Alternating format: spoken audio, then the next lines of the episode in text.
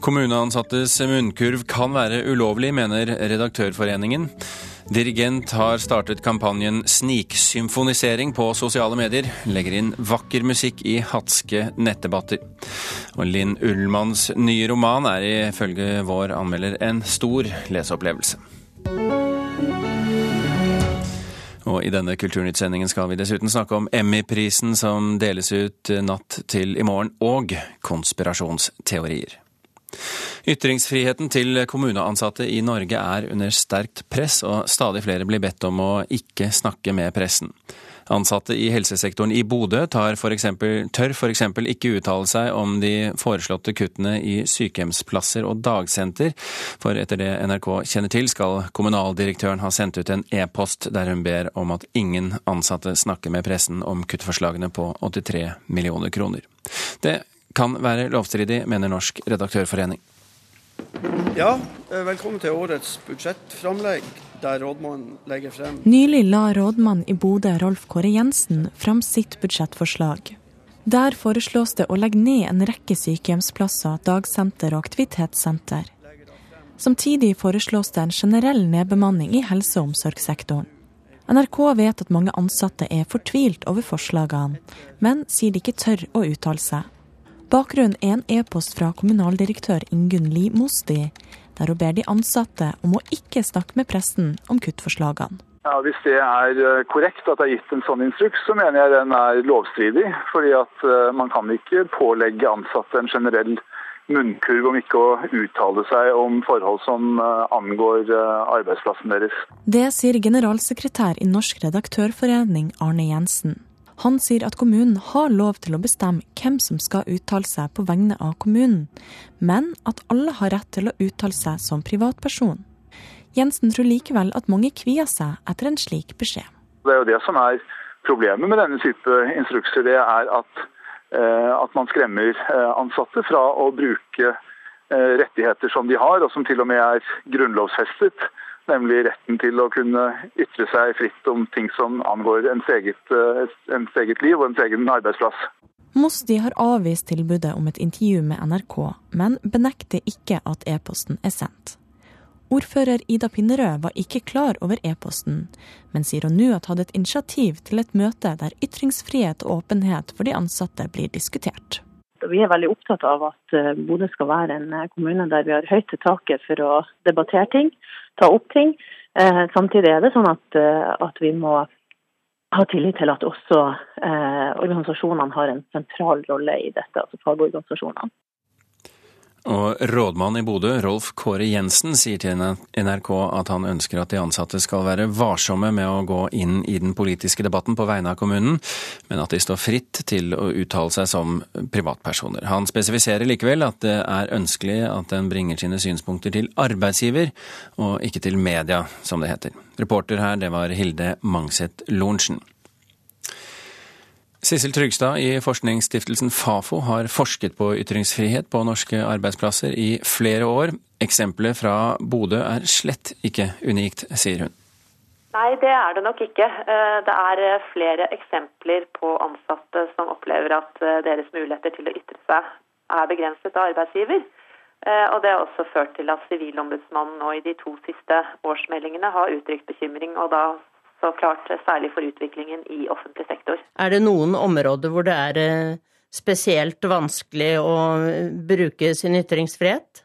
Altså Det vi finner i våre undersøkelser, er at det kan se ut som at ansatte i stat og kommune opplever større grad av begrensninger på sin ytringsfrihet enn hva ansatte i eh, privat sektor gjør. Men om det er eh, f.eks.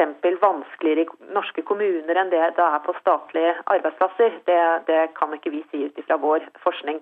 Men vi vet jo at det er flere eksempler på saker der eh, arbeidstakere i kommunal sektor har ønsket å uttale seg om situasjonen på sin arbeidsplass og fått eh, såkalt munnkurv ilagt av sin arbeidsgiver. Det var reporter Tone Staude som snakket med Sissel Trygstad i Fafo.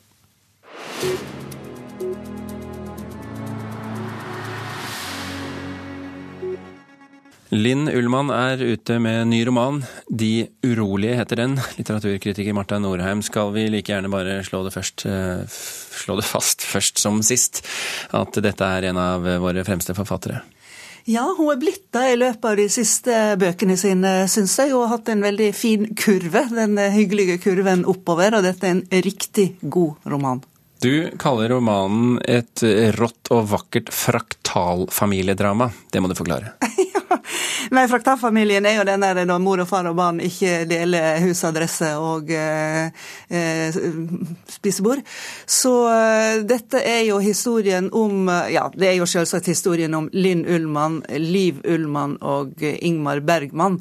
Men denne familien fantes på en måte aldri fordi at eh, foreldrene skilte lag når barnet var eh, tre år gammelt, og derfor så er det eh, dels en historie om å leve opp som enebarn med ei mor ganske ung mor, og som eh, en av ni barn eh, hos en godt voksen eh, far. Så det er jo ulike, to ulike liv, på en måte, da. Så det er ikke noe overdrivelse å si at dette er en roman med tydelige biografiske trekk? Tydelige sjølbiografiske trekk og biografiske, men samtidig så er det Altså, Navnene blir aldri nevnt i boka. Og jeg var litt overraska. Ja, det, det, er mange gode grunner til å ikke bruke navn. her tror jeg at eh, den, det beste svaret på spørsmålet er at eh, dette er konsekvent sett ifra barnets synspunkt. Og barnet var jo i utgangspunktet fryktelig lite. Hun tar det ifra, egentlig fra før hun var født. Og for et barn er jo navnet til mor og far og kjendisstatusen til mor og far komplett uinteressant. Det er mor, og det er far, og det er livet ditt. Og så begynner du seinere å tenke på liksom, at familien min er litt rar, og det er vel et, eh, en tanke som absolutt alle har eh, en gang i livet, at du kommer fra en litt rar familie, og dette er den måten hennes familie er rar på. Så hun, hun, hun allmenngjør det samtidig som hun er veldig konkret og presis på eh, episoder, minner, historier, og ikke minst kjensler knytta til dette. Men dette har jo mange gjort før henne. Hva er det som gjør dette til en stor leseopplevelse? Ja, altså dette med å, å, skrive om kjendisforeldre er jo et tema fullt av fallgruber, selvsagt. Altså du kan komme til å ville ha hevn eller revansj for en vanskelig barndom. Eh, du kan bli frista til å avsløre litt sånn pikante hemmeligheter som jo veldig mange vil bli interessert i å, å, å lese om. Eller du kan mytologisere, altså gjøre dem til demoner eller engler eller geniale eller hva som helst. Men, men dette er nettopp en veldig sånn avklara og reflektert og klok historie som samtidig har en nerve. Altså Det er ikke sånn tilbakelent ja ja, nå skal det høre, men det er nettopp en, en, en veldig nerve en veldig sånn forsøk på Men, men, men det bør jo være en slags distanse i det også, tenker jeg? Ja, det er en distanse i det, og det er jo nettopp det med at det ikke er navn. Og, og uh, i skildringa av seg sjøl som barn, så bruker hun også tredjeperson og sier jenta eller hun. Og det er jo også en avstand. altså du, du kan på en måte aldri være helt nær det barnet du en gang var, fordi at du nå er voksen. Så det er en slags erkjennelse i det som skaper nettopp den typen distanse. Det er vanskelig å ikke helt eh, knytte det opp til Knausgård her, men eh, er det fruktbart? Eh, ja, spørsmålet er for så vidt relevant, men forskjellene er større enn likskapene, syns jeg nok. Bortsett fra når det gjelder litterær kvalitet. Fordi at hun er hun forteller veldig lite om sitt eget liv, nesten ingenting om sitt eget liv. Du får liksom vite at det er et par barn og en skilsmisse, så da har det jo vært en mann der. Men eh, det er veldig lite om det, og hun skriver om dattera si. Hun kan få eh, beskrive seg sjøl eh, seinere, så hun vil ikke skrive om det. Så hun har en veldig distanse til det. Det er en veldig tilskåren biografi. Marta Nore, takk for at du kom til oss. Klokken er 17,5 minutter over åtte. Du hører på Kulturnytt, og dette er toppsakene i Nyhetsmorgen nå. I Belgia er 16 personer arrestert, og det er foretatt mange husransakinger i en omfattende antiterroraksjon. Det er fortsatt høyeste beredskap i Brussel. Alt tyder på at det blir enighet i budsjettforhandlingene i dag. Etter det NRK erfarer, har Venstre og KrF klart å flytte på rundt 6 milliarder kroner av regjeringens opprinnelige budsjettforslag. Flere personer er pågrepet i Hurdal i Akershus etter at en mann ble utsatt for grov vold og døde i natt. Nødetaten ble varslet om et slagsmål sent i går kveld. Natt til i morgen blir det altså klart om skuespilleren Annike von der Lippe får en Emmy-pris for sin rolle som lensmann Helen Sikkeland i TV-serien Øyevitne. Emmy er TV-bransjens svar på Oscar, og prisen deles ut i New York. Det er tre nominerte i klassen som beste kvinnelige skuespiller.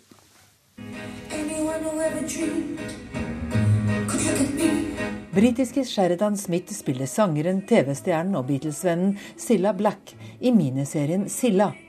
En stor del av videopresentasjonen på Emmy-festivalen her i New York i går besto av sang. Smith synger selv, men var for øvrig den eneste av de tre nominerte som ikke var til stede. Annike von der Lippes andre konkurrent er Fernanda Montenegro fra Brasil for hovedrollen i Søte mor. Hva tror så Annike selv om den utfordreren? Nei, Jeg har jo ikke sett så mye, da. Jeg har jo sett disse klippene og sånn, men hun eh, Fernanda Montenegro, hun er jo helt skjønn. Altså, 86 år gammel ja, brasilianer. 86 år gammel grand dame. Hun har vunnet den før. Og hun er helt sånn altså, sånn Wenche Foss-aktig, ikke sant? Montenegro vant den internasjonale Emmy-prisen for samme rolle i 2013, så spørsmålet er om det svekker hennes sjanser denne gangen. Jurymedlemmene stemmer enkeltvis ved å sende sin stemme til konsulentselskapet Ernest Young for å redusere sjansen for hestehandel på bakrommet. En eventuell Emmy-pris betyr en masse ekstra oppmerksomhet, og jeg spør Annike om det eventuelt er en type rolle hun ikke har spilt før, og som hun har lyst til å gjøre. Jeg kunne tenkt meg, altså Hvis det ble sånn at jeg fikk en rolle i en amerikansk film eller noe sånt, eller en TV-serie, så hadde det vært veldig gøy. Uh, gjerne litt sånn odd karakter. Litt skrudd? Ja, litt skrudd. NRK-dramaet 'Øyevitne' ble sendt i fjor høst, og hovedpersonen er lensmannen på Mysen, Helen Sikkeland. Hun oppklarer en meget komplisert sak med en masse drap, gjengoppgjør og pedofili, samtidig som hennes egen fostersønn er involvert. Jeg spør manusforfatter og regissør Jarl Emsel Larsen om det kommer en oppfølger. Jeg tror ikke det gjør det nå. Det som er vanskelig med Dette er jo en miniserie som er avsluttet. Og det er alltid vanskelig å dra Det er mulig, men altså det er vanskelig å ta det videre. For man har ofte brent karakterene så langt ut at de har ikke de samme kreftene igjen til å gå videre. Forventer du at denne filmen, at denne serien kommer til å bli filmet her i USA med amerikanske skuespillere? Eh, ja, altså det, det, har eh, vært en del eh, interesse for det. Og, men det kan jeg ikke snakke så mye om akkurat nå, fordi det er litt hemmelig. Og en Emmy-pris her i kveld vil definitivt ikke dempe interessen for en amerikansk utgave av historien om dramaet på Mysen. Det er USA-korrespondent Gro Holm som følger EMU-utdelingen for oss i New York. Sigurd Vik i NRKs Filmpolitiet, skal vi ta det først? Tror du det blir en amerikansk nyinnspilling av Øyenvitnet? Ja, han var jo veldig hemmelighetsfull. Det hadde jo vært artig. Det har jo vært mye sånn altså Det er jo en sånn skandinavisk noir-bølge der ute, som egentlig har vart eh, ganske lenge. Hvor det har vært mye storbyer. Jeg ser for meg Mysen i Østfold. Ja takk, gjerne en amerikansk versjon av det. Hadde vært koselig, det. Ja, Vi kan bare påpeke at eh, Ivar Køhn eh, til Dagbladet i dag sier at det ligger an til en avklaring om et par uker, om det blir eller ikke. Vi, vi får jo, vi får jo se hva vi finner ut av det. Sigurd Vik, hvilke forventninger har du til Emmy-pris til Annike von der Lippe? Det er veldig spennende, det her. Det er tre nominerte, ganske tett. Det er klart, som det var inne på her, altså Fernanda Montenegro er en grand old dame fra, fra Brasil som eh, Jeg har bare sett promomateriale fra den serien Sweet Mother, eller Søte mor, men hun ser eh, helt nydelig ut. Eh, altså, Hun er et fyrverkeri, men hun har vunnet før. Og så er det Sheridan Smith, som, som da er Celia Black i, i serien Celia, Beatles-venn og sangerinne, og hun har også vært nominert før, så det er jo tre veldig sterke kandidater. Jeg tør ikke å gjette, altså, men jeg håper jo at Annike von der Lippe har en god sjanse her. Har også vært nominert tidligere. Funfacten er vel at sist gang så uh, var det for Ved kongens bord, hvor Jonas Gahr Støre var konsulent for serien. Jeg vet ikke om hun har hatt like god hjelp uh, på, på Øyevitnet, men Øyevitnet fungerer, så, så jeg håper Annike klarer det her. Denne Emmy-utdelingen det er jo ikke den hva skal vi kalle det, den ordentlige Emmy-utdelingen. Det er jo en, eh, en utenlandsk Emmy-utdeling. Eh, like fullt, eh, hvor gjev er egentlig denne prisen? Og den er nok veldig gjev, i hvert fall sånn for bransjeperspektivet og det å bli synlig for de andre. For det her er jo det internasjonale Academy for Ja, hva de heter, det, det husker ikke jeg i farta. Det er vel International Academy of Television Arts and Sciences de kaller seg, i motsetning til The National, som tar den mm. primetime-Emien. Men de følger jo med på hverandre. Og så er det jo også sånn at vi har mye mer TV-serier tilgjengelig nå. Det er veldig lett for oss å, å, se mye også utenlandsk, så det er klart den internasjonale Emien har større betydning der. Nå kan jeg sjekke ut Sweet Mother eller Celia mye tidligere enn jeg kunne før, sannsynligvis. Enten ved å, å, kjøpe det over nett, eller eventuelt også at det kommer via strømmetjenester. Så tilgjengeligheten gjør jo også at, at Emmy-prisen gjør at serier blir mer synlig. Takk skal du ha, Sigurd Vik. Vi kan vel snakkes mer om dette i morgen tidlig, tenker jeg, for da vet vi mer, og da er det mer fra Eh, Gro Holm også i eh, USA. I Stavanger er det duket for flere dager med møter om og et kritisk blikk på konspirasjonsteorier. Blant annet er muslimer, jøder og Russland eh, tema. Bård Larsen, historiker i Tankesmien Civita, du er en av dem som skal delta. Skal vi bare like gjerne gå til kjernen først? Hva er konspirasjonsteorier? Ja, Det er et godt spørsmål. Eh, det er, en, eh, det er en teorier eller spekulasjoner om mektige sammensvergelser mellom mektige menn og kvinner som vi ikke får vite om. Eh, innenfor politikk, finans, forsvar, legemiddelindustri. Altså rett og slett ganske grove spekulasjoner over at det er en sammenheng mellom fenomener du, du ser ute i samfunnet, og, og, og, hvordan de har blitt til. Gjerne, gjerne gjennom en, en, form for uh, spekulativ konklusjon, selvfølgelig. Men er det bare vås og oppspinn, eller er det sannhetskjerner i det òg? Altså, eh, nå er Konspirasjonsteori det er jo et fenomen, altså det er en terminologi. Eh, det betyr jo ikke at ikke det finnes spekulasjoner eller konspirasjoner der ute. Det er jo historien full av. Eh, så, eh, så, disse to tingene er litt forskjellige. Altså. og, og, er jeg egentlig på vei inn i konspirasjonsteorien hvis jeg spør om sannhetsgehalten i konspirasjonsteorien? Ja, det, det kan det være. Altså et, et, eksempel på en konspirasjons, eh, konspirasjon som var sann, var jo Iran-Contras-affæren i 1980-tallet. Rundt 1980 frem, frem til 85, hvor, da, hvor amerikanerne solgte våpen til Iran for å finansiere Contras helt på mm. tvers av alle alle lover i, i USA. og det, det, er en slags sann konspirasjonsteori, kan du si. Men det du skal snakke om, altså det som knyttes til muslimer, jøder og, og f.eks. Russland, det er, vel, det er av en litt sånn farligere karakter? Ja, konspirasjonsteorier kommer i alle former. Noen av dem er jo direkte farlige og undergravende. Altså, hvis du ser historisk på det, så er jo den mest potente konspirasjonsteorien noensinne er jo hele, hele fundamentet for, for nazismen. Altså ideen om en jødisk eh, konspirasjon, en, en finanssammensvergelse som skal overta verden osv. Så, videre. så det er klart at de er farlige. Fordi det er noe man må beskytte seg mot?